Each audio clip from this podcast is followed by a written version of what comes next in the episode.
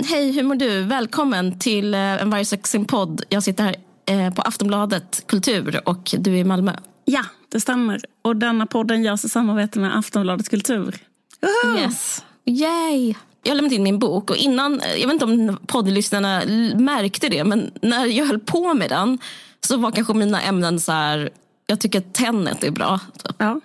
Eh, och sen så kanske det var så här, eh, jag har jag tycker I may destroy you är bra. Och sådär. Men alltså, det, det var rätt så elaborate. Men, men att jag, jag har inte hunnit tänka så mycket egna tankar. Eh, förstår du skillnaden? Du har använt dem i din eh, bok istället? Ja, mm. exakt. exakt. Så mina egna tankar har liksom... Eh, jag har inte haft några egna tankar. Mm. Som det susat i huvudet. Men jag har kunnat så, konsumera och kanske kommentera det.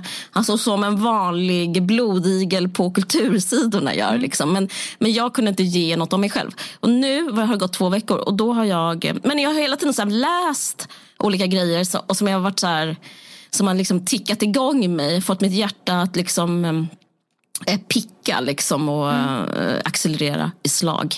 Till exempel har jag ju som alla andra hört det nya tugget kring gängvåld mm. och klaner. Mm.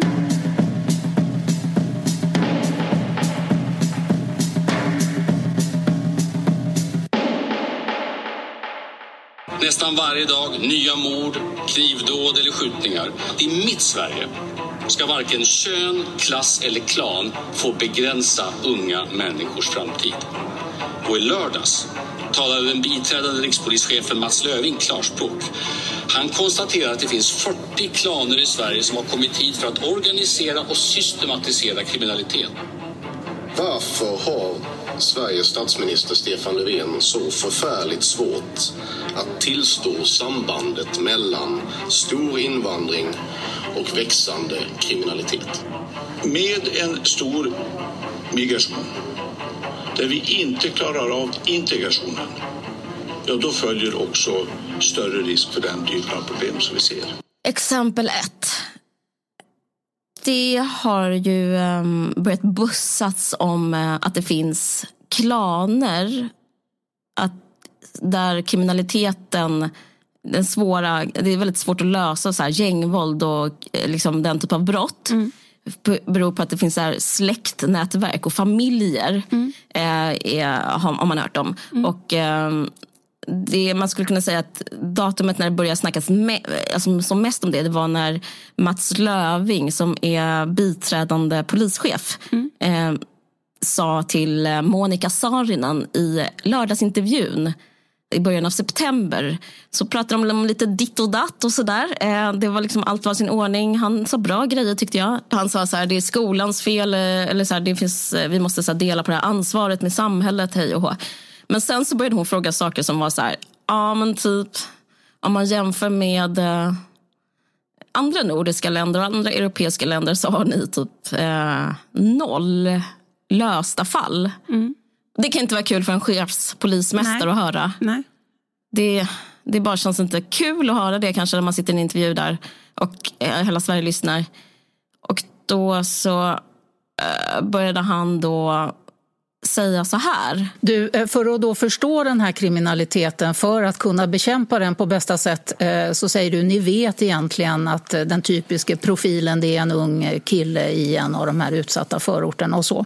Jag har sett att polisen både i Malmö och Göteborg talar också om att det finns såna här släktbaserade kriminella nätverk. Ja, de bygger på familjen helt enkelt. Är det så? Och, och, och vad, hur påverkar det i så fall ert arbete? Ja, det där är en jätteviktig fråga. för eh, Vi kan uppfatta att den här diskussionen om integration ibland kan vara lite naiv i Sverige. Hur då? Eh, för det är ju på det sättet att det är långt ifrån alla människor som vill bli eh, en del av det svenska samhället.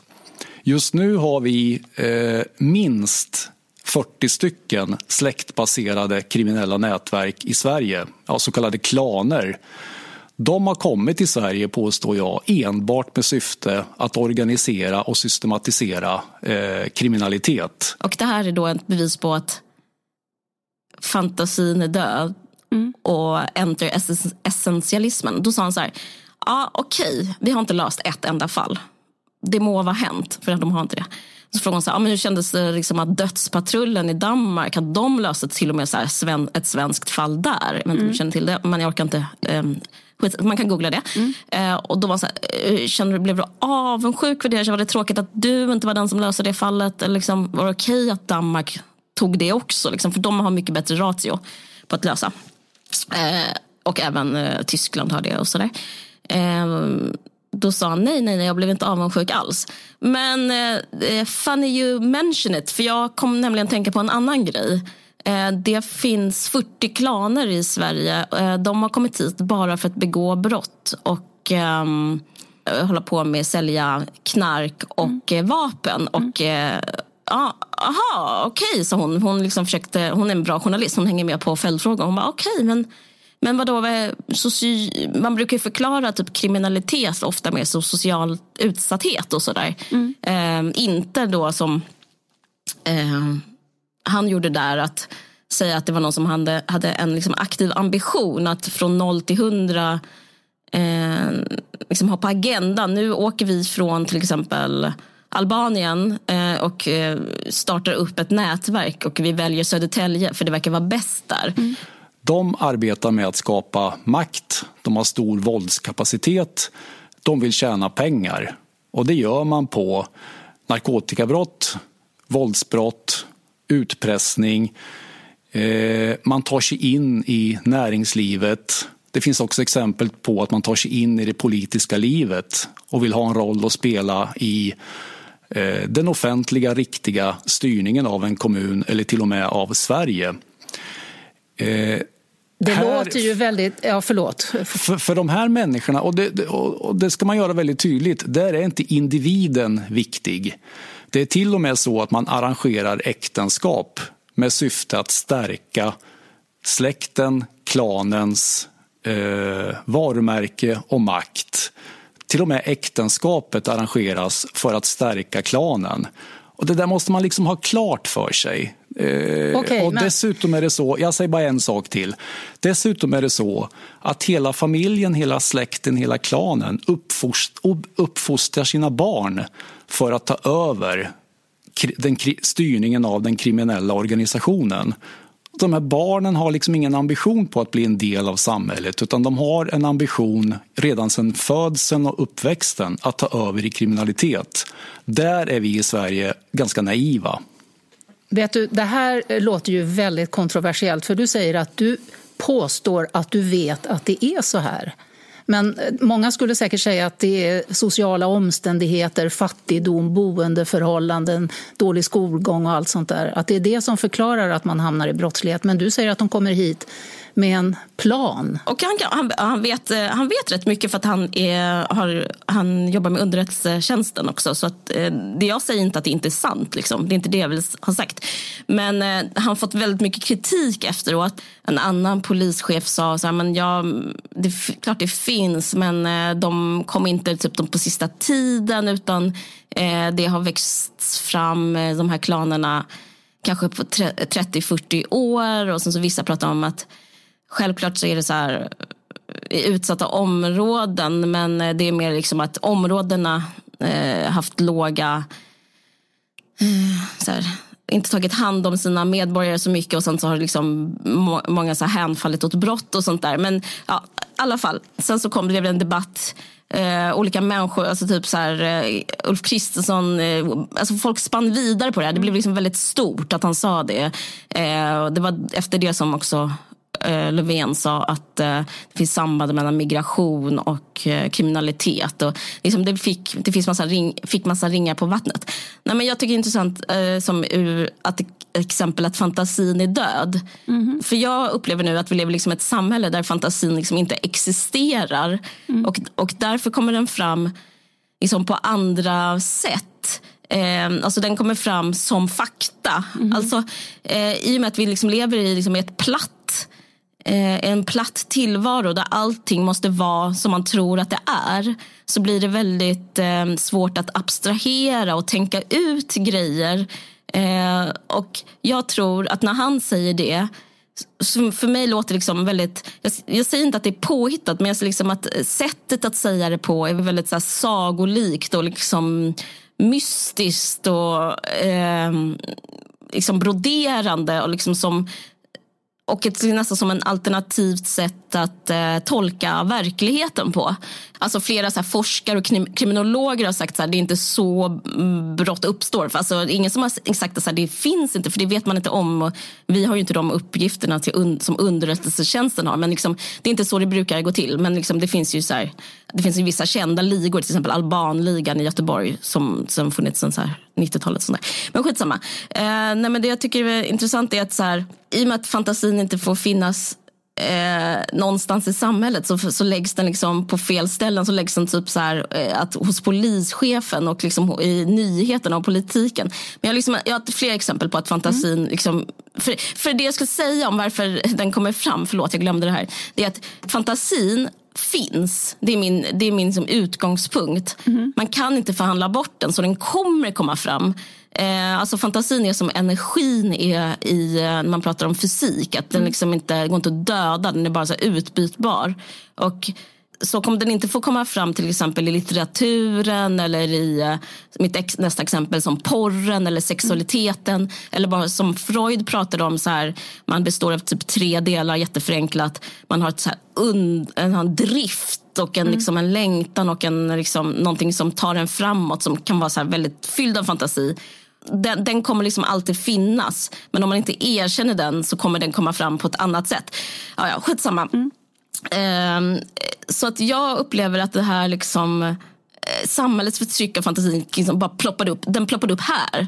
Ja, och nu har jag hittat två ställen till den har kommit, ploppat upp. Mm. Eh, och, eh, ja, till exempel som, det tar mig till nästa exempel, men som med feministiska rörelsen. Mm. Eh, den har innan tuffat på rätt liksom, i god mak. Och så här, för, den liksom ja, det handlar om, alla vet ungefär vad det handlar om. De vill ungefär det här. Det är liksom rätt lättförståeligt. Och, eh, det kommer liksom lite vågor, det kommer lite exploateranden upp och ner. Men liksom ändå så här, vi vet ungefär vad det är. Mm. Och den, eh, men nu på sista tiden så har det också blivit, som jag upplever då är en brist på fantasi, men att fantasi ändå måste komma fram, är eh, det här med eh, Gärd, heter det Gärdet? Kan det inte heta Gardet? Gärdet, på Gärdesfältet. Det skulle vara så kul om det hette Gärdet och det handlar om att de bodde i närheten av Gärdet. Ja, vi bor vid Gärdet ungefär. Röda linjen på, vid Östermalm. Hur som helst, mm. Gardet eh, har liksom gått ut med någon slags proklamering på sin hemsida. Och de, de är liksom Sveriges utnämnda, vad ska man, ska man ska kalla dem liksom folk, de har i alla fall tagit på sig vi feministhatten. Mm. Liksom, eller någon slags folklig feminism på något sätt. Samlar lite olika... De kallar väl i och för sig nu för tiden då för radikalfeminister? Ja, radikalfeminister. Ja. Ja, Okej, okay, men de, eller, eller, de, de, de, är synliga med sin... Alltså de, håller, ja, de säger de, vi är, vi är radikalfeminister. Mm. Mm. Och då så eh, har då tagit fasta på den här grejen som är att eh, inte Eh, men de har i alla fall rekryterat från så lite olika håll. Typ Cissi Wallin var kanske hon som startade. Eh, och lite olika andra liksom, profilerade kvinnor mm. som är feminister. Ja, nu har en kvinna skrivit att, hon, eh, att de inte är trans. De vill inte vara transinkluderande. Nej. Eh, och det tycker jag för jag, jag vet inte om du går med på begreppet att det är, liksom, eller definitionen, det är en folklig feministisk rörelse. Men jag skulle ändå säga att de försöker vara det på något mm. sätt.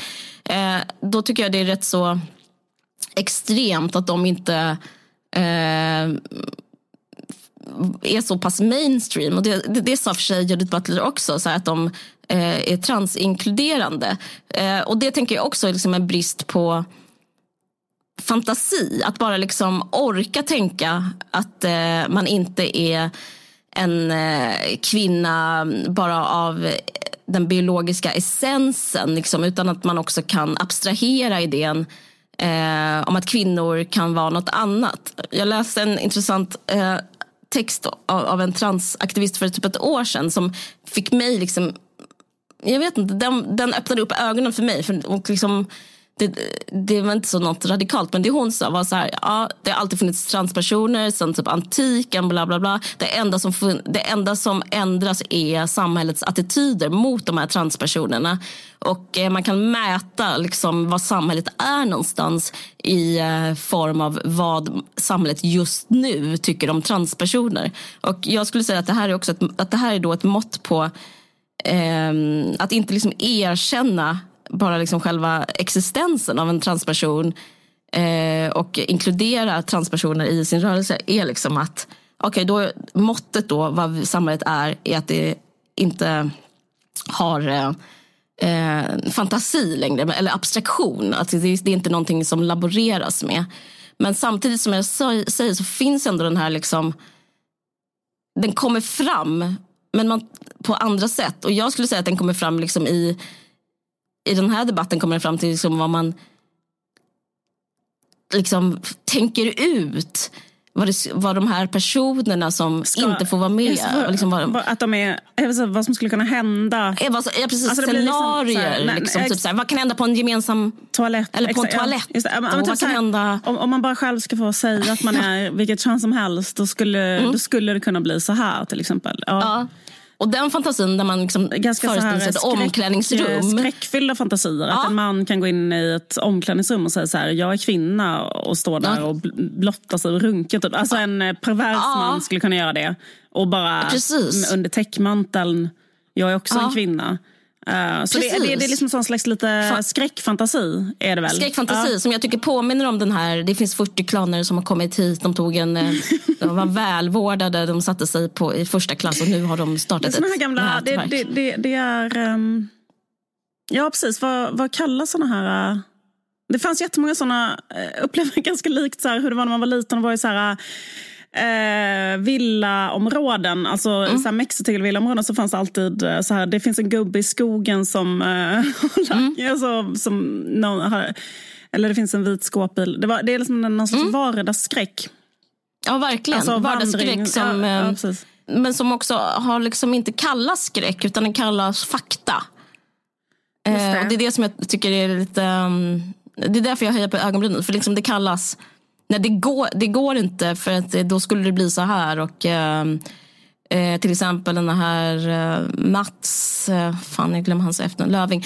Han, då har liksom, han är jättesugen på att göra det som Moderaterna vill nu. Till, det vill säga visitera personer utan visitera random människor. Ja. Eh, eh, och så frågar, och, frågar Monica Saarinen hur ser en sån typisk person ut? Ja, men då är, beskriver han liksom en ung invandrarkille. Och det blir liksom, ja, you do the math. Och allt det här är bara ett hopkok i huvudet egentligen. Alltså han har inget att gå på förutom en riktigt stark känsla och en underrättelsetjänst. Så att han kanske har kanske exakt som man säger men det kan också sätta en liksom, den här skräcken för hur det skulle kunna vara. Kan liksom få hamna, liksom, man hamnar på ett liksom, eh, obehagligt ställe tycker jag. Men jag fortsätter, jag ska, liksom mm. inte, jag ska försöka inte säga så mycket åsikter själv. Men så, så, sista exemplet är då porrdebatten. Och eh, ja, jag tycker det är jag vet inte fan vad jag ska säga om den. Men om jag snabbt ska sammanfatta den. Och det är typ att om man tittar mycket på porr så blir man aggressiv. Mm. Jag, har jag rätt? Mm. Om man är ung och tittar på porr mm. så blir man aggressiv. Mm. Och har kanske eh, våldsamt sex. Ett, ja. våldsamt sex. Den, nästan, den är tydligast av allt. Som att fantasin inte eh, om att man vägrar erkänna att det finns något som heter fantasi. Alltså, det påminner mig så mycket om den här videovåldsdebatten som kom på 80-talet när VHS, man kunde börja köpa VHS spelare mm. i hemmen mm. och då tittade folk på kanske, ah, jag vet inte, eh, de tittade på Scarface och mm. Rambo mm. och sånt. Eh, och då var alla så här. Karate Kid. Och då var det så här, men då, nu så kommer ju, ja, de barnen kommer gå ut och mörda nu. Mm. Så, ja, och så mördades ingen eftersom det är inte därför man gör det. Förlåt jag skrattar. Men det är, det är för att man, man mördar för att man är med i en klan. Nej jag skojar. Så det, det blev liksom inget av videovåldet. Eh, och det här med porr, porrdebatten. Ja. Eh, det är lite samma sak. Alltså, det som eh, alla pratar väldigt mycket om att det ska bli på ett visst sätt.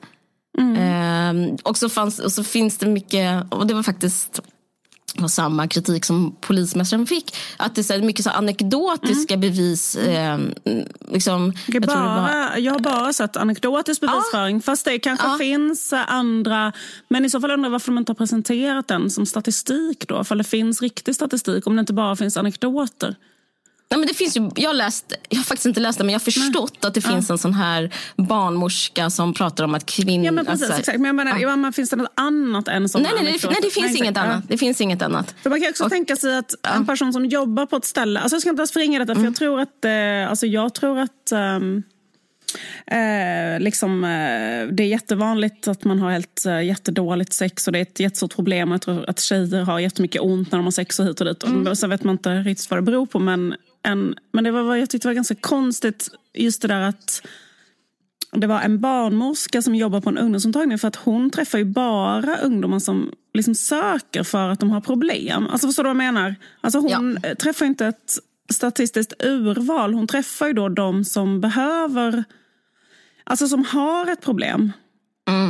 Jag hatar där- den här... Ja, precis. Ja, men exakt, så därför Nej, men blir jag det så hatar den här konstigt. debatten för det är också typ som att tjejer inte gillar porr och att tjejer inte gillar liksom, eh, att typ, en viss typ av hårt sex. Det är liksom, eh, alltså det, det är också liksom allting med en, alltså det är en annan sida, jag, kommer inte, jag vill inte gå in på det men Nej. det är inte heller sant om, om kvinnors lust. Skitsamma, men det var inte det jag skulle säga utan det jag skulle säga är att, att ehm, jag, jag vill inte vara så, jag vill inte gå så långt och säga att de här killarna vill inte alls ha hårt sex. I och för sig så hörde jag på Sigge och Alex podd att den största det man söker mest på är så natural tits. Det var en sån jätte, jättestor, jag vet inte om du lyssnar på det, en jättestor Jo, men undersökning vet som du vad som är tvåa vad de söker på? Det här är goda nyheter för dig och mig.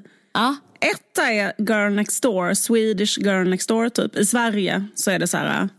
Och sen två är um, MILF. Ja, Alltså, men precis. Jag bara tyckte det var kul för... Um, Ja, det är jättekul För dig och mig, som ja, är mix. Att vi är alla män Jag känner mig jätteglad. Tack. nej, nej. Äsch. Äsch, jag hade Alltså, inte inte behövt. så sexy. Nej, men, men, eh, ja, men det kanske var en svensk... Men i, men, i, men i USA, där är typ zoomers, alltså typ Mm. eh, de som är födda på 00-talet, de vill bara ha natural tits. Och det kan jag bara snabbt säga, analysen på det är ju bara för att eh, i media så ser allting väldigt så plastigt ut. Ja. Och det här talar för min, mitt case, att man det, man fantiserar om det som inte finns. Det är, liksom, det, är det som är fantasi. Det är liksom själva, själva def, definitionen.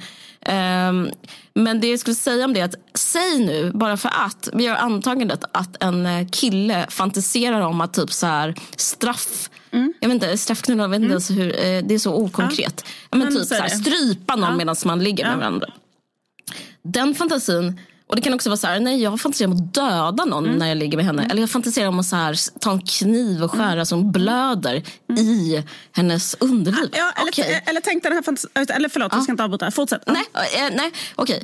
Det betyder, om man pratar med Freud, eh, om vi bara liksom antar att Freud kanske hade något.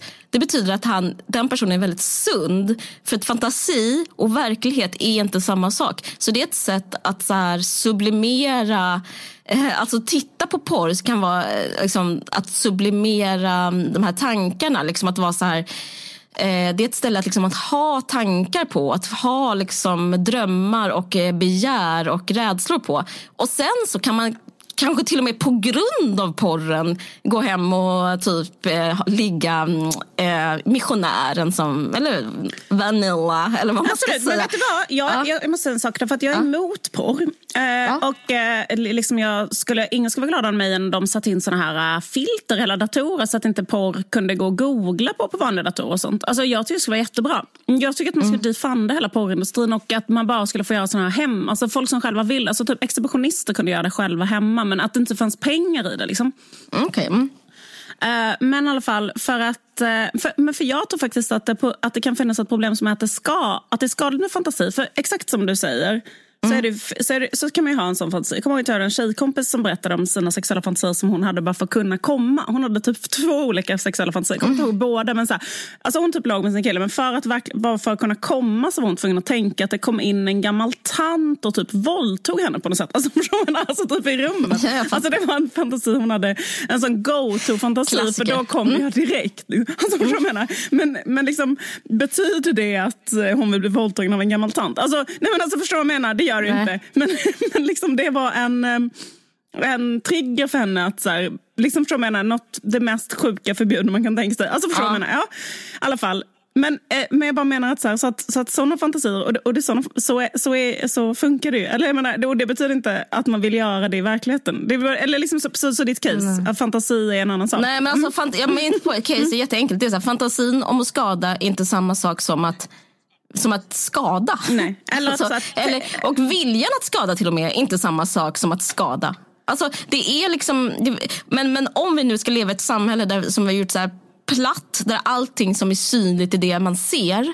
Eh, då så förstår jag, jag förstår alla som känner, som känner sig väldigt hotade. För då är det så här, ja nu håller han på att eh, Eh, lägga upp en plan. Eh, han, det, jag gör research på datorn och nu ska han lägga upp en plan för han ska liksom göra den där grejen. Och det är en jättehotfull bild. På samma sätt som penisarna i omklädningsrummet är hotfull och på samma sätt som att eh, de här jätterika utländska människorna kommer och sätter upp fantastiska nätverk som ingen polis kan knäcka. Alltså jag förstår det.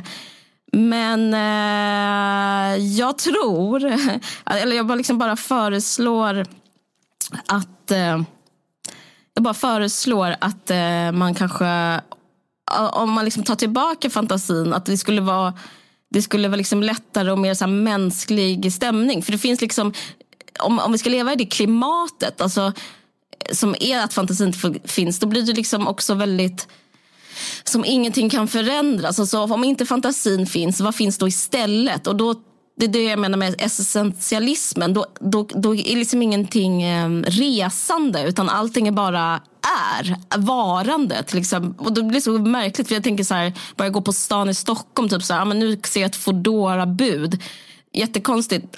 Det var en av dem som kom hit till Sverige som inte var med i en klan. Men okej, han kom inte hit för att bli en foodora person Eller Foodora, liksom, det blir också så här...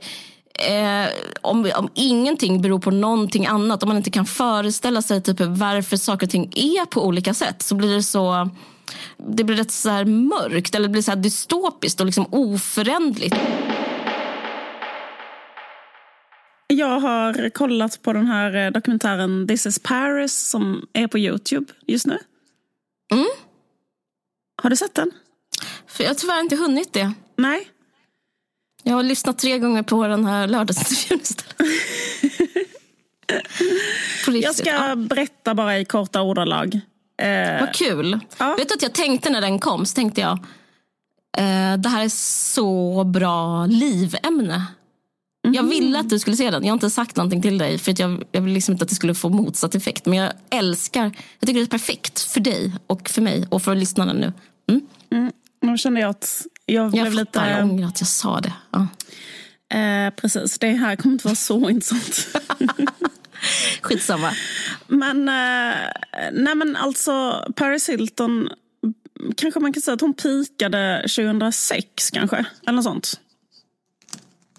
Ja, ja, you tell me. Ja. Eh, då kändes det som att hon var på allas läppar, eller man ska säga. Mm. För att hon var, gjorde typ den första reality-tv-showen som någonsin har gjorts. Typ. Alltså The Simple Life. Mm. Som var en väldigt så här, regisserad eh, reality. Men hon, Mm, med, med, ehm, Nicole Richie. Ja, ja. Som är jätte, jättebra. Som Mm. jag kommer ihåg att jag såg då. Den var svinbra, väldigt nydanande, nyskapande tv. Extremt Mm. mycket comedy. Speciellt Nicole Richie är så här ett totalt komiskt geni. Så Mm. hon eh, liksom driver serien väldigt mycket med sitt otroliga geni. Liksom. Eh, och är fortfarande typ svinrolig människa. Mm. Men liksom, hela den är byggd, alltså det är byggt väldigt mycket på liksom ett narrativ som bara är så som det är i reality-tv. Att man hittar på vad som ska hända och det är väldigt regisserat och så. Det är att de är fina flickor som ska göra liksom så här, Precis. Och, och, och till exempel i introt till... mockat. Ja, exakt. Precis. Det är att de är jättebortskämda eh, och eh, de ska göra helt vanliga jobb. Liksom. Så gör de ett Ja. jobb i varje avsnitt. Så. Ehm, men, och sen så, men också liksom så tror jag att det var, eller det faktiskt tycker jag var ganska intressant i dokumentären då. För The Simple Life har alltid börjat så här, alltså introt i Simple Life var så här, när de skulle presentera Vem är Paris var det så här, hon är arvtagare till det här Hilton-imperiet. Så hon, är liksom, hon, hon har haft som sin grej hela tiden att hon är heiress. Liksom. Och, eh, men det, um, alltså han, den här, det var hennes farfar kanske som startade den här hotellkedjan Hiltons. eh, Hilton-hotellen. Men han hade tydligen åtta barn och de fem äldsta ärvde jättemycket men de tre yngsta ärvde typ ingenting. Ehm, Så att hennes familj, alltså både hennes mamma och pappa, alltså de har säkert varit svinrika men de har alltid jobbat. Alltså både hennes mamma och pappa har haft vanliga jobb och så. Nej, Jo, gud. Jag snackar om ny Jag vet, världsbild. jag vet. Jag, vet. Alltså nu, jag kan ha fel, men som jag förstod det så är hon inte... Alltså för det var liksom... Alltså så, alltså hon, och hon... Sen dess, alltså hon har alltid tjänat egna pengar. Eh, ja. Shit, ja. Men i alla fall, Så hon gjorde det här för att det var ett kneg liksom? ja typ, exakt. Ja. Åter till varför hon gjorde det, men i alla fall så eh, har hon haft en persona eh, som har varit ganska mycket då att vara dels då eh, gränslöst rik, gränslöst bortskämd och ehm, jag vet inte, lite av hennes persona på något sätt är att hon är liksom förhärdad på något sätt. Alltså så är det också i, eh, i liksom att hon är liksom en nihilistisk förhärdad person tycker jag. Alltså typ så att hon har spelat på det, att hon inte har ja, det är jättekul. att hon har inga goda, hon har inga klassiskt goda kvaliteter så att säga. Eller hon är snäll, typ, tror jag hon spelar på nu. Men Fast hon är väldigt mycket så motsatsen till kanske Greta Thunberg. Eller Ja, hon är väldigt så här, ja, exakt, verkligen. Ah, ah, typ köper något dyrt, vad då? Typ. Ja. Hon trålade i eh, eh, vad heter det, de- den affärsfickan. Att vara, eh, och, och Greta trålar i den andra affärsfickan. Alltså typ att, liksom när de ska, så här, eh, vad, vad är kul att, att, att titta på? Eller hur ska jag attrahera Vilken följare? person att ska vi ta? Exakt, typ. precis. Eh, men eh, hon eh, är ju på ett sätt intressant för att hon, hon, hon har liksom inte utvecklats alls. Jag tror faktiskt att jag har pratat om henne innan den här podden men hon har liksom fastnat väldigt mycket. Alltså hon var liksom en it-girl då 2006 och hon har liksom samma kläder och hon ser exakt likadan ut och hon gör exakt samma saker och så där, som hon alltid har gjort. Alltså bara gå på klubbar och så här, och ser eh, likadan ut och har fortfarande de kläderna. Så hon har ju liksom aldrig varit en, eh, hon var kanske en stilikon då 2006 men sen har hon bara haft samma kläder hela tiden. Så hon är inte alls, alltså kan man titta, alltså om man tittar så här på Nej, hon känns väldigt omodern. hon är otroligt omodern, men äh, i och för sig så gillar jag det med henne. Hon är liksom, eh, hon är liksom helt, hon verkar inte bry sig. Alltså hon är liksom inte alls opportunist utan hon är någon slags um, stelnat, eh, långsamt spöke på något sätt. Alltså hon är liksom väldigt eh, annorlunda. Än liksom, eh, eh, hon är verkligen en speciell person. Och ehm, hon, men om, man- om man tittar så hon, hon har typ 12 miljoner följare kanske på Instagram, Paris Hilton. Och hennes eh, före detta väninna Kim Kardashian, eller hon är fortfarande vän med henne, men Kim Kardashian var ju Paris Hiltons assistent från början. Men hon har 189 miljoner, 189 miljoner följare. Alltså jag bara säger som en jämförelse. Liksom att en sån person som Kim Kardashian har ju liksom jobbat med stylister. Hon, hon är en trendsättare. Hon återuppfinner sig själv hela tiden. Alltså hon håller på så. Mm, hon verkligen jobbar. Eh, Liksom. Paris Hilton har ju, är som en konserverad, ett konserverat päron. Alltså, alltså hon är verkligen så här en, en sån totalt liksom, eh, person som, som, som är likadan hela tiden. Då. Hon håller Mm, fortfarande... hon är sån som är formalin. Hon är i formalin, exakt. Och hon håller fortfarande också på, för det vet jag, men för Nicole Richie gick ju vidare jättesnabbt och bara släppte hela den uh, Simple Life-personen och istället Ja, liksom, eh, blev någon så här bohem chic, eh, eh, vad heter det, ja, Eh, hon, hon började liksom med ett klädmärke och som var en helt annan stil. Hon bröt liksom helt med det och sen så fick hon barn. Och, alltså hon har liksom utvecklats och gått vidare i livet. Paris Hilton har inte heller hon har inte gift sig, hon har inte fått några barn, hon fyller ju 40 nu. Men hon liksom har aldrig, och det tror jag som en del av det här liksom stelnade grejen. Att hon, hon, hon, hon är liksom 15, 16 fortfarande. Och hon säljer fortfarande merch där det står så här, that's hot. Alltså, that's hot. För det var ju hennes mm. tagline i Simple Life. Men nu är ju det mm. kanske 18 år sedan. Alltså det var på tv. Så det är liksom, hon liksom har inte alls... Um, jag såg nu på hennes, alltså, och sen så, uh, hennes entreprenörskap är ju så också. Att det är liksom hela tiden samma.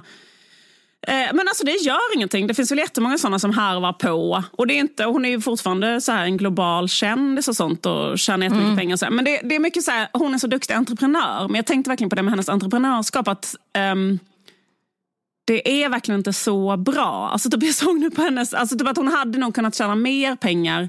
För det är mycket det där, hon är self-made, hon har tjänat så mycket pengar och sådär. Det handlar dokumentären mycket mm. om. För hon har tydligen 17 olika varumärken. Uh, och det är sådana här saker, hennes hudvårdsserie, hennes parfym, hennes, men alla hennes produkter. Alltså jag tror att det hade gått att sälja mer om hon hade liksom, vad heter det, ändrat sig eller uh, något sånt där. Mm. Uh, Eh, för att hon, eh, nu såg jag på hennes Instagram att hon var, så här, att hon var i något sånt vindistrikt och så sa hon så här, jag funderar på att göra mitt eget rosé. Och det skulle heta Paris Pink Rosé. Mm. Och så är man bara så här, åh, snark liksom. Ska ja. det också vara rosa liksom? Och, ja. Alltså, och varför ska det vara just rosé? Alltså, eller förstår du vad jag menar? Det, det, är verkligen... Ja, det känns väl, man, man piggnar inte till. Men, men, men det som den, jag tycker, det har en merch på den där underbara tröjan där det står Don't be poor. Det tycker jag är bra merch. Den Nej, är rolig. Ja, det tror jag inte. Hon har... Med så Barbie, hon har liksom Barbie, jag fattar. Eh, vad heter det, logotypen, den ja. här eh, typsnittet ja. som Barbie använder fast det står ja, That's hot. Ja. Jag fattar. och så är det så här... Ska man bli ihop med någon liksom, som har von Dutch-keps? Typ. Exakt, och så har hon mm. såna mini-klänningar, alltså korta mm. klänningar och eh, såna här eh, rhinestones. Eh, mm. och, allt, och rosa också. Jo men i alla fall så är det så här, vad jag tyckte var bra i dokumentären mm. var att, eller jag tyckte att dokumentären var svinbra, jag tycker det är jätteintressant. Ja, för då berättar hon, nu gör hon ju någonting som är då bättre än det hon har gjort innan. För nu, liksom, det här är ju bra, för nu berättar hon något annat som är så här, något annat än den här konstiga Barbien som hon har då eh, porträtterat hela tiden mm. utåt alla dessa år. Eh, och då berättar hon att ehm, eh, hon kommer från en otroligt konservativ familj. Och då var de liksom så mot henne när hon... Eh, alltså de, de, eh, de var vänner med Nancy Reagan och hitan och ditan. Och när, när hon var liten så liksom hade hon en mormor. De, de, de bara mm. uppmuntrat henne jättemycket för hennes utseende hela tiden och sagt hela tiden att Mormor har varit helt besatt av henne och kallat henne för Grace Kelly och Marilyn och sånt. Och alla har varit besatta för att hon var så himla vacker. Liksom. Mm. Så, så har hon blivit uppfostrad. Sen, och, och jag tror att alla de bara rakt av helt sjuka i huvudet, alla hennes föräldrar. Alltså det fattar man liksom redan från början, tror jag att alla de har varit ja. Eh, sinnessjuka, punkt, mot henne. Mm. Sen när hon blev 16-17, då ville hon liksom börja gå ut på klubbar, ha korta kjolar och kanske ta en cigg och så vidare. Mm. Eh, och då så, fast föräldrarna är jättekonservativa mm. Så de är liksom konservativa på det sättet att de är emot eh, Alltså det, det, jag skulle säga som jag tyckte var kul med den här eh, dokumentären var att liksom äntligen ett bakslag för konservativa i samhället. Alltså för att konservativa har bara haft sån jävla medvind. Ja, de har haft lätt. de har haft så lätt. Jag tyckte det var så himla mm. kul. Det var så äntligen någon som berättar vad som är fel med konservativa och med auktoritär barnuppfostran, oh. det auktoritära samhället, oh. eh, straff, allt det här. Liksom. Alltså så här, mm. för att vi som eh, tycker det då har ju verkligen varit i motvind. För att det är så här, mm. um, det känns som att um, men det har inte varit så inne? Liksom. Nej, vi har bara eh, liksom blivit överkörda av de här människorna som är så här men, men i alla fall, då, men, men nu eh, har vi någonting på vår sida om den här dokumentären. För att då är det liksom att eh, föräldrarna är då jättekonservativa så de har liksom förbjudit henne allting. Alltså typ så, då var de så här, du får inte gå ut liksom. De, de skulle sätta då Paris och Nicky, hennes lilla syster på en sån katolsk, eh, otroligt sträng skola. Där de inte fick göra någonting. De fick inte ha på sig någon kort kjol eller någonting. Och de fick inte vara ute efter klockan liksom, typ sju på kvällen. De fick inte ha kompisar, de fick inte ringa en kille, de fick inte göra någonting. Alltså, de var fruktansvärt stränga de här föräldrarna. För de ville att de skulle vara såna Stepford wives. Alltså, eh, de ville liksom att, de förstår du vad jag menar? De, den typen av konservativa amerikaner. att så här, ehm, en så här helt, så som Nicky Hilton är nu för tiden. Nicky Hilton Ah, är ju så här det. att hon har married a Rothschild. Hon har en egen line av ballerina shoes. Det tycker jag är så kul. Jag såg hennes eh, Instagram. Hon, hon, gör sina egna, hon designar sina egna fucking ballerina flats. Kan du tänka dig något sjukare? Så hon gör så här mintgröna flats, ljusrosa flats, ljusblåa flats. Typ så. Ja. Eh, men man, men, men man, man kände på sig hela tiden. Och så har hon married a Rothschild och så går hon bara runt så här. Och hon eh, postar bara såna saker. Eh, go and vote och sen typ save the cats. och, har så här, eh, och, och, och, och är så här fruktansvärt smal. Och, eh, alltså, eller liksom båda två är så där otroligt smala och otroligt liksom porträtterar någon form av kvinnlighet som är på det sättet. Alltså god, perfekt, jättekonservativ, ehm, liksom eh, vit eh, amerikan, som wasp-amerikan. Sen så var då Paris eh, rebell på det sättet att hon, hon, ville, hon ville vara ute och festa.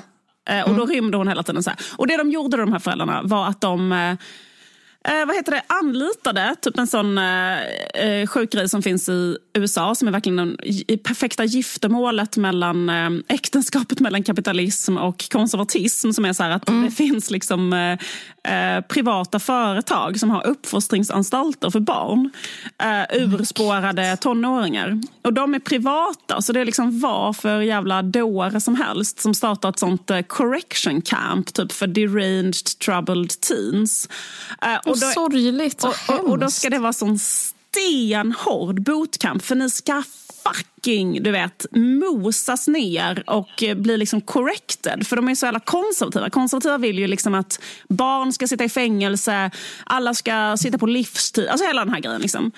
Ehm, så då bara, och, då, och vet du vad de gjorde då med henne? Alltså, Nej. Eh, Då liksom eh, mitt i natten när hon ligger och sover så kommer de här människorna in i, i huset och kidnappar henne utan att hon vet. Föräldrarna har betalat jättemycket pengar för att de här människorna ska göra det. Så de springer in i hennes rum och typ slår in dörren och typ släpar ut henne. Och hon tror att hon ska bli kidnappad och mördad. Så hon bara skriker och Sen blir hon tagen till ett sånt här eh, läger och där blir hon liksom misshandlad varje dag och får jobba stenhårt. Och, ehm, Eh, ja, eh, hon får sitta i isoleringscell. Och, alltså, alltså så, sådana slags jättesinnessjuka övergrepp. Ja, helt fruktansvärt. Och då är liksom hela narrativet i, i, i dokumentären att hon... Liksom att om man blir behandlad så här så blir man liksom traumatiserad. Så det handlar om trauma. Så hon har liksom PTSD eh, på grund av det här. Surprise. Um, och eh, då är det till exempel att hon kan inte sova. Hon har inte kunnat sova på 20 år. Eh, hon har liksom mardrömmar. Alltså alla sådana här PTSD-symptom. Eh, svårt att koncentrera sig, kan inte vara där det är tyst och stilla för man måste vara liksom hela tiden. Det vi pratade om förra avsnittet, den tv-serien I may destroy you, den handlar också om trauma Ja, ja, och verkligen. liksom PTSD. Alltså typ att om man är med om någonting sånt, så här, man, man har trott att man ska dö eller något liknande, så Mm. kan man bli så här. Eh, alltså, eh, det är liksom Vad bara, inspirerande som mamma att höra den här. Typ hur man inte ska vara mot sina barn Du- ifall de blir jobbiga. verkligen, verkligen, verkligen, verkligen, verkligen. Men också den här liksom tro, otroliga tron på hårda tag. Typ att man är så här, Ja. Eh, Du, du, du, du, din lilla jävel. Alltså vi ska ta ifrån dig alla dina rättigheter. Vi ska liksom krossa dig. För det, så att du inte längre liksom rymmer och går på klubbar och har på dig en kort kjol. För mamman var jättearg på henne för att hon hade på sig till exempel ett halsband där det stod sexy. Alltså förstår du? För hon tyckte att det var så trashigt. Och hon ville vara så här eh, att... eh, ja, det förstör ju hela Ja, det förstör för dem och det handlar jättemycket om deras eh, image och, sådär. Liksom. Men jag tyckte det bara var intressant, eller det var så här, jag tyckte det var liksom, att, det var, att det var gött på något sätt att någon gick ut och sa eh, det är fel att vara auktoritär på det sjuka sättet mot liksom, barn och ungdomar och att det skapar trauma. Alltså, Mm. Så de menar, man, man förstör människor när man, när man gör sådana saker mot dem. Alltså, Mm. det var bara så här, det var, jag ville bara, jag ville, liksom, det var så här, man ville säga tack. Typ, så här, tack mm. för att ni sa det. För, liksom, här, för alla, har, alla har ju bara high-fivat det nu hela, hela mm. de senaste sex åren. Det, det, det, jag tyckte det var något intressant. För, och, och då är liksom hennes drivkraft har varit jättemycket då. det är sällan man får se liksom, exempel på när det går dåligt. Alltså, vad ska man säga? När det går dåligt med hårda tag. Det är mm. liksom mest någonting man säger i preventivt syfte. Så här, ja, men vi borde ha hårda tag. Men liksom, det är aldrig så här klipp till vad hände efter hårda tag. Alltså, det, är, det är en förtjänst att uh, visa det. Ja men precis. Och sen så tror jag att i USA så har man liksom haft en otrolig kultur av hårda tag. Alltså, där har man ju dödsstraff. Och man mm. har liksom en mycket, mycket... Men de är ju besatta. Ja. Det finns jättemånga så filmer också som handlar om typ så här, eh, att man blir skickad till militären. Typ mm. så här, det låter lite som en sån skola som hon gick på nu. Men kanske inte var det. Men typ så en, mm. att man åker till så army school för typ eh, även alltså i Sopranos så Anthony Jr blir skickad till så här bootcamp eh, för att han också är typ en troubled teen. Mm. Att det är liksom det man Ja, det finns ett sånt narrativ kring det. Eh. Men det är också så väldigt intressant för att det är då en... Det är som att eh, man begår sådana brott som en auktoritär regim begår mot sin befolkning. En sån typ av brott begår man mot sina barn. För familjen mm. är ju liksom en sån... Eh, instans. Liksom, och att inte ha demokrati i sin familj. Utan man har eh, att det är auktoritärt i familjen. På det sättet mm. att barnet har inte en röst. Alltså mm. barnet får inte... Mm, barn, för när hon berättar, hon berättar för sin mamma i dokumentären, för mamman är också med. Och då, då, okay. berätt, då säger hon till sin mamma, och så säger hon att hon aldrig berättat det tidigare för sin mamma hur det var. Typ att det var jobbigt för henne?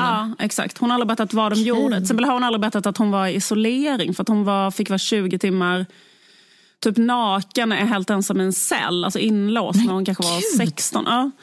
Och att hon blev fysiskt slagen och så av dem. Och, men det jag tror jag också är, finns en mycket högre tolerans för. Alltså i eh, USA till exempel. Att det kanske inte är mm. eh, ens, jag vet inte om det är olagligt med att aga barn.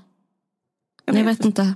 Men eh, i alla fall så eh, var det inget som hon kände att hon kunde liksom ringa och säga till sina föräldrar att nu är jag med om det här.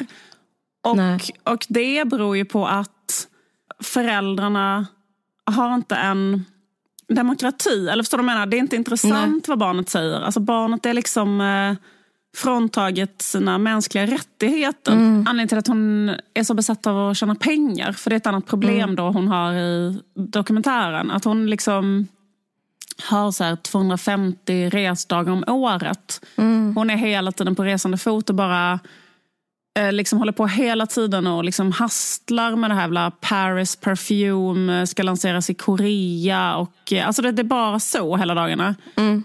Och hon kan inte sova, hon går upp klockan fem på morgonen, hon ska vara DJ på något konstigt ställe. Alltså jag förstår inte, hela hennes liv verkar som en total mardröm. Usch. Ja, och, men det är för att hon är besatt av att hon måste tjäna pengar.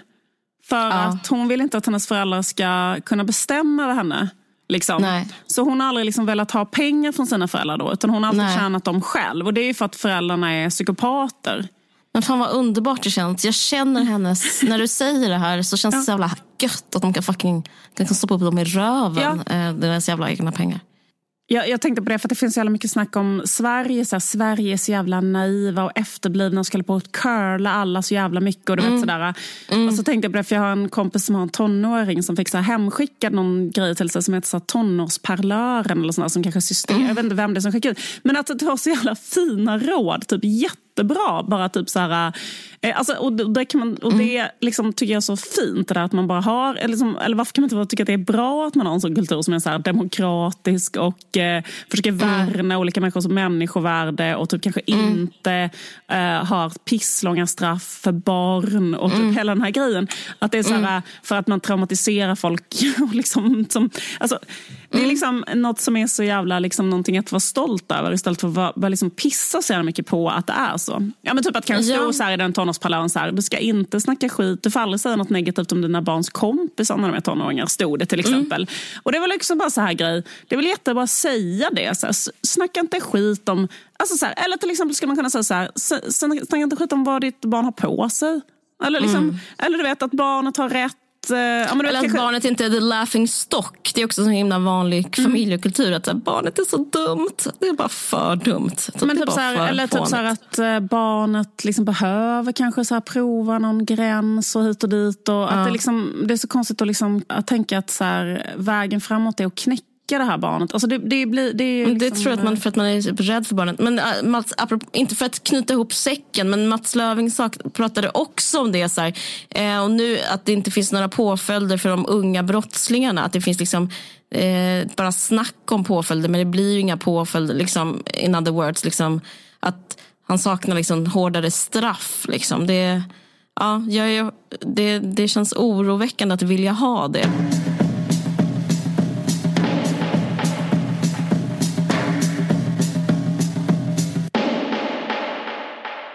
Nej, men jag tycker att, hon kan vara lite inspirerande. Alltså, det känns som att hon kanske så här, äh, också...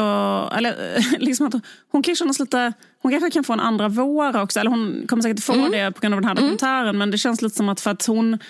I och med att hon har varit så otroligt otrendkänslig. Alltså hon har inte försökt vara trendig. Utan hon, Men det kanske också för att hon är... Hon vill vara säker på att tjäna pengar.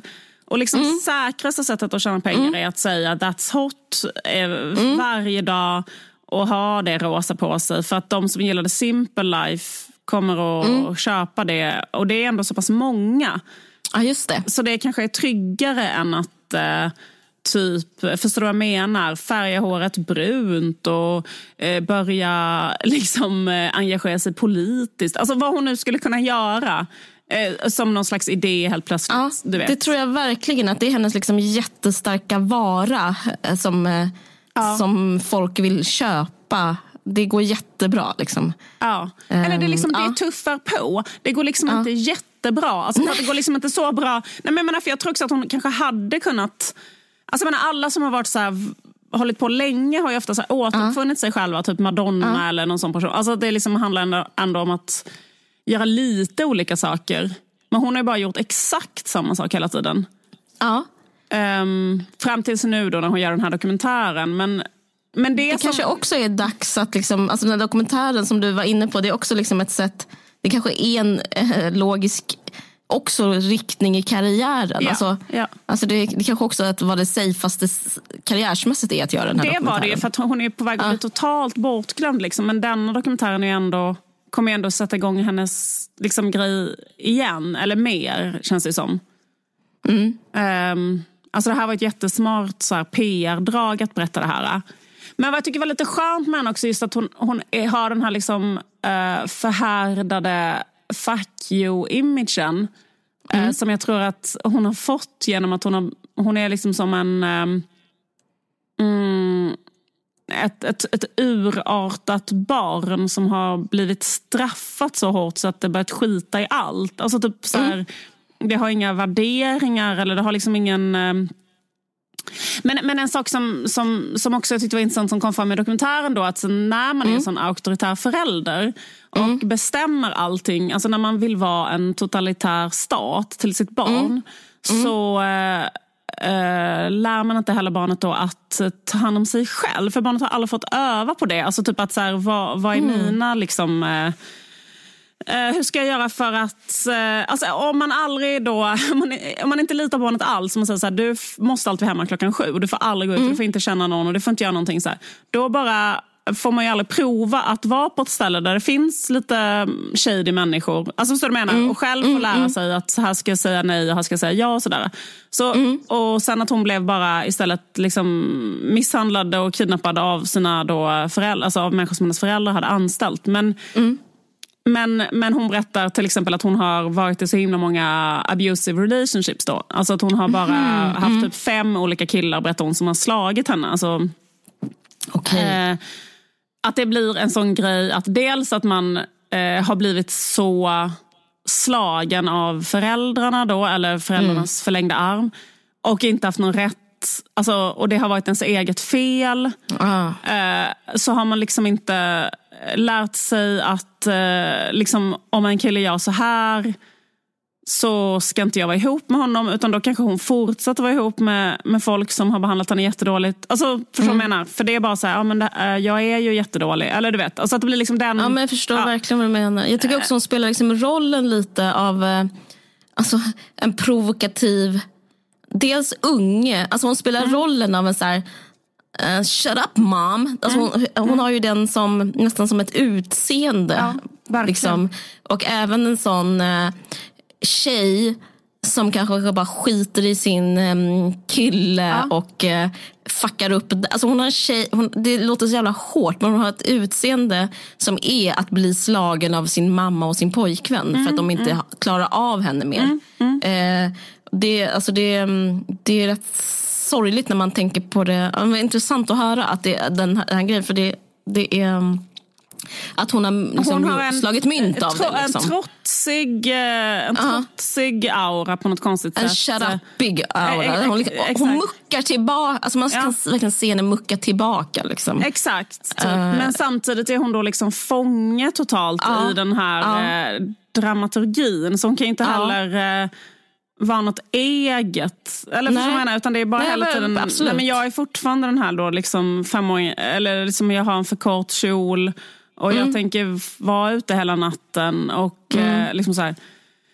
eh, vad skulle jag säga? Ja, jo, nej, men det var en, en annan grej. En annan, det var bara ett annat argument mot auktoritär barnuppfostran. Ja. Då, att eh, liksom hela den här konstiga idén med straff och stenhårda regler och föräldrarna ska bestämma allting och man ska liksom säga till ungen di- ditten och datten. Alltså så här, att det så eh, gör också att barnet blir så mycket mer unfit for life. Alltså kan inte själv Mm. då eh, liksom, eh, har inte fått då så här lagom mycket frihet så att man själv kan lära sig alla fall. Eh, Mm. Men ja, så det var bara en, en, eh, en note to self. Och eh, liksom typ att, Verkligen. Fan vad intressant. Mm, det är faktiskt intressant. Men att hon har haft den här liksom slags nihilistiska, jag bryr mig inte om någonting. Och den, Mm. Och den, och inse, den, liksom, den har också varit otrendig väldigt länge. Alltså det sättet att vara. Alltså nu nämnde Ja, du Greta verkligen. Thunberg. Men, men, Ja. men eh, även människor som inte är Greta Thunberg. Alltså jag tänker på en sån person som hon där Emrata. Typ. Alltså hon som typ, ja, men, kanske en super... Vem är detta?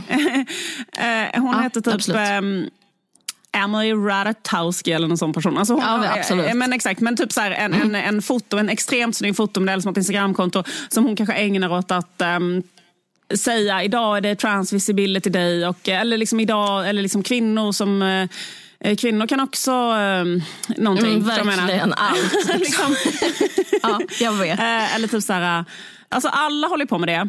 Alltså, Verkligen. att man Det är liksom- det alla exakt håller på Eh, med. Exakt. Att, att man liksom, och, och eh, om vi kollar på Kardashian som jag nämnde innan så håller ju alla de också på med det eh, på någon nivå liksom hela tiden. Alltså så här, Ja. eh, att de liksom vill, eh, vill, göra, vill göra rätt. De vill göra något bra. De vill liksom använda sin voice för någon plattform. Alltså, det, Ja, men det är liksom- supertrend. Alltså, det är trendigt också ner, ner i skikten. Ja, men? Eller är liksom, det, ja, precis, är- men då, ja. Eller frågan är, liksom, är det trendigt nu det fortfarande? Ja, men, Ah, ja, men det är klart det är på väg ut. Det har varit på väg ut jättelänge. Alltså, det är väl, eller liksom så här, och man är ju dödstrött på det. Man spyr ju på det. Alltså, jag gör det i alla fall. Du har Alltså, rätt. och, eh, och nu Jag vet, så... men jag, nej, men jag tycker det är...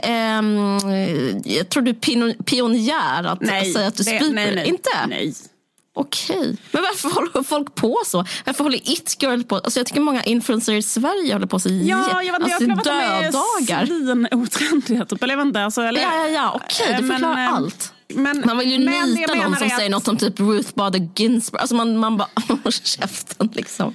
Ja, okej. men sluta Ja. posta någonting om henne. Exakt. Ja, men, jag, Ja, men jag, exakt. jag, jag vet. Ja, Men, du, jag menar att du har väldigt rätt i det. Ja, men det, exakt. folk, folk Ja, precis. gör ju folk det. gör ju det exakt. Och då, Ja. och det, men att det är så intressant med henne för att eftersom hon har varit så pass liksom otrendig under raden i 20 år så har hon liksom inte Mm. heller behövt så att säga, hoppa på en massa konstiga trender. Eh, eller eller liksom för att hon har hela tiden bara varit den här jättekonstiga... Hon är som en sån amerikansk kille som man träffade när man eh, var liksom i... Eh, Mm. eh, så överkla- amerikanska överklasskillar som typ sitter och röker en bong och... Eh, och är liksom jätte, jätte artiga men eh, så jävla sjuka i huvudet. Alltså förstår du vad jag menar? Och riktigt two-faced liksom. Eh, förhärdade, jättevana vid att ljuga. För de måste alltid ljuga för sina föräldrar för de ska fortsätta få mer pengar. Men i själva verket Eh, riktigt liksom rutten frukt, alltså typ så. Eh, eh, som, eh, som bara vill så eh, liksom eh, knarka, ha på sig mjukiskläder, skita i allt, eh, inte ta ansvar för någon, inte hjälpa någon, inte liksom, alltså så. En bro typ. Exakt, hon är ganska mycket så. Ja det är hon Och, eh, verkligen.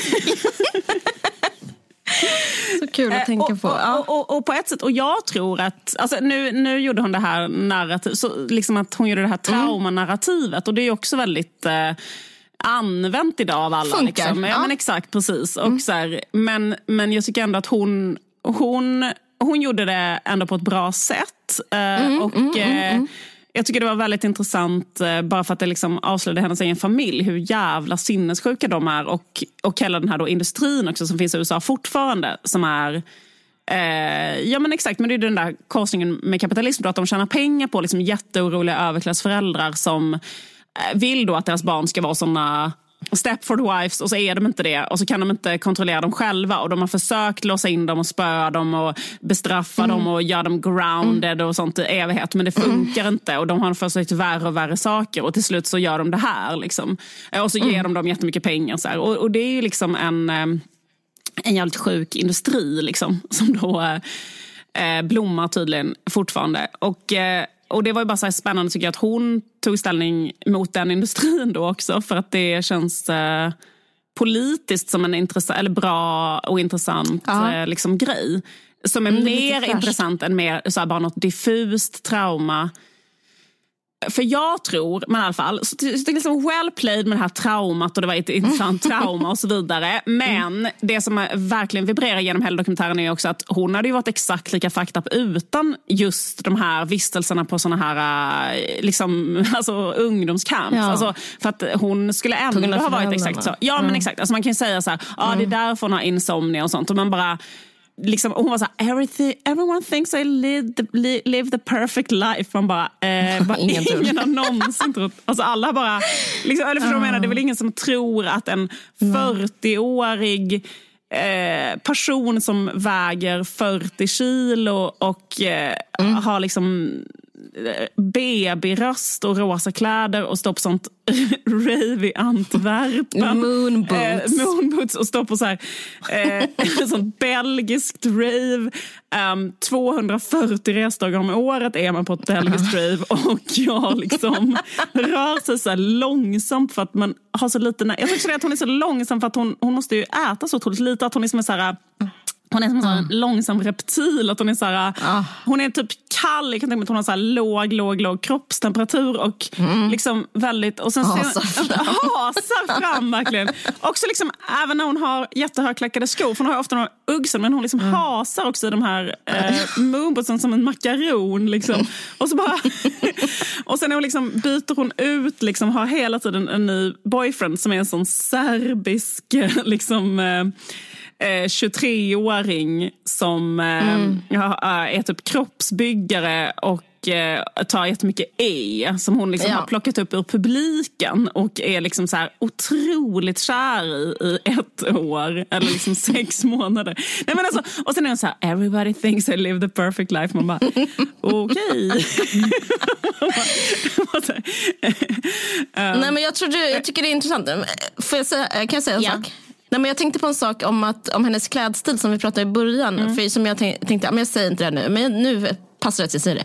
Så jag tänker att, hon, vi sa ju att hon var väldigt omodern. Men alltså, om man tänker på hur modet är Ja. nu så är ju också Alltså stjärnorna är aligned för henne. det är Det liksom, det är så rätt till. Du vet att, eh, jag kan meddela våra lyssnare. Det, nu, det är low cut jeans. Alltså tyvärr. visst. Alltså, jag, jag eh, älskar hög midja. Det känns himla tryggt och sådär. Eh, men, men det är mer modernt med typ jättelåg midja och bootcut. Visst. Det, Och ja, det, så är så det. Att det är så. Och hon, Så det är så, Exakt, precis. så det är så. Och, och också det här eh, eh, otroligt befriande i att någon inte berättar för en vad Ruth Ginsburg har gjort för kvinnorna. Alltså lättnaden att se en kändis som inte pratar om det är ju så Någon som bara hoppar det. Ja, men någon som bara hoppar det. det, det den lättnaden den, den gör Alltså, att man faktiskt. får en anknytning. Alltså Nej, en kärlek. Ja, men man, blir Nej. så här, man blir så här, tack för att jag bara slapp liksom göra läxan Ah. samtidigt som jag tittar på Instagram. Alltså typ att, för, kan jag någon gång få så här... Eh, och också liksom, de här liksom dumma totala självklarheterna som varenda jävla fucking idiot redan känner till. Som är så här, Ah. Att man liksom får en gång till piska den konstiga döda hästen. Att så här, alla människor är lika mycket värda. Och vad fan och hans moster. Alltså hela det här. Mm. Och alla redan vet. Och sen så är det så här, skillnaden är... Eller liksom, det, det handlar inte alls om det. Utan det handlar om liksom, vad ska vi göra åt det? Inte att du ska säga att du tycker det. Alltså, och i det oändliga. Och också så här, ja, men skitsamma. Så, så, så därför, så här, just så här, nihilism, låga jeans. Fan vad gött. Jag är så sugen. Jag är psyched. Vi har ett samarbete med eh, Göteborgs folkteater. Yes. Och det är att de ska göra en uppsättning av psykologen och författaren Jenny Jägerfeldts eh, eh, text Blixtra, spraka, blända. Ja, precis. Så kul. Eh, Som monolog, va? Ja. Eh, ja, nej men det är jättespännande tycker jag. Det, det är rätt så, så här oberättade teman. Eh, de beskriver det som en psykologisk thriller fast det typ handlar om skrivkramp eh, det, och kreativitet. Det är verkligen något för mig. Eh, och för sig, jag har inte skrivkramp, men jag, jag är ändå väldigt intresserad av det. Och sen så brända bokförskott. Eh, mm, intressant liksom så pengar, eh, pengars eh, inslag i kreativiteten eller ens, liksom, ens kreativa verksamhet. Eh, och att gå över lik i jakten på sitt eget narrativ och en bra story. Eh, föreställningen handlar om Penny, spelad av Emma Österlöv. Hon, eh, ja, man kan säga snabbt om henne att hon slagit igenom stort med sin debutroman och blivit geniförklarad av hela mediasverige. Men hon fastnar i prokrastinering och destruktivitet och samtidigt ett kreativt rus. Um, Tänk neon, too much of allt plus specialskriven musik av DJn Tora Winter. Och eh, Folkteatern teatern kan utlova humor och kanske moralpanik. Eh, Jag vet inte vad det betyder, men det låter spännande. Men ja, eh, och Gud, vi har såklart... Om man Ja. bor i Göteborg eller i eh, närheten, kan vi ta sig dit? Ja men precis, om man har vägarna förbi. Det är ju, ja. Men vi, en Varje sin podd, vi älskar ju Folkteatern i Göteborg. Vi har gjort flera samarbeten med dem och nu kan vi eh, faktiskt eh, ge våra lyssnare pengar kan man säga. Eller det betyder att de får rabatt på vad det egentligen kostar. Så använd koden VARG när du bokar din biljett via Folkteaterns hemsida. Och då får du en biljett endast för 150 kronor. Wow. Så, ja, så det blir, eh, det blir toppen. Ja, Ta med en kompis och gå dit. ta med en kompis. Yes, det blir underbart. Okej, tack så mycket Folkteatern Göteborg. Tack så jättemycket till Folkteatern Göteborg. Om du bor i Malmö, varför inte gå på Malmö stadsteater eh, och eh, kolla på till exempel föreställningen Halva månen. Och Det är liksom en helt eh, nyskriven eh, pjäs av och som också är regisserad av eh, den tyska dramatikern Roland Schimmelpfennig som är en av vår tids eh, viktigaste samtidsdramatiker. Eh, och eh, han har skrivit en, eh, liksom en specialskriven eh, pjäs, en kärleksberättelse för bara ensemblen i Malmö. Superspännande. Eh, stor grej att eh, han gör det.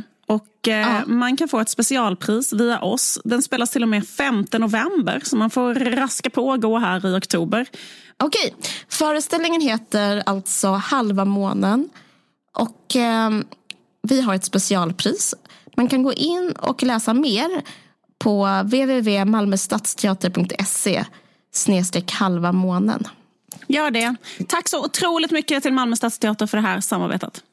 Tack Malmö Stadsteater.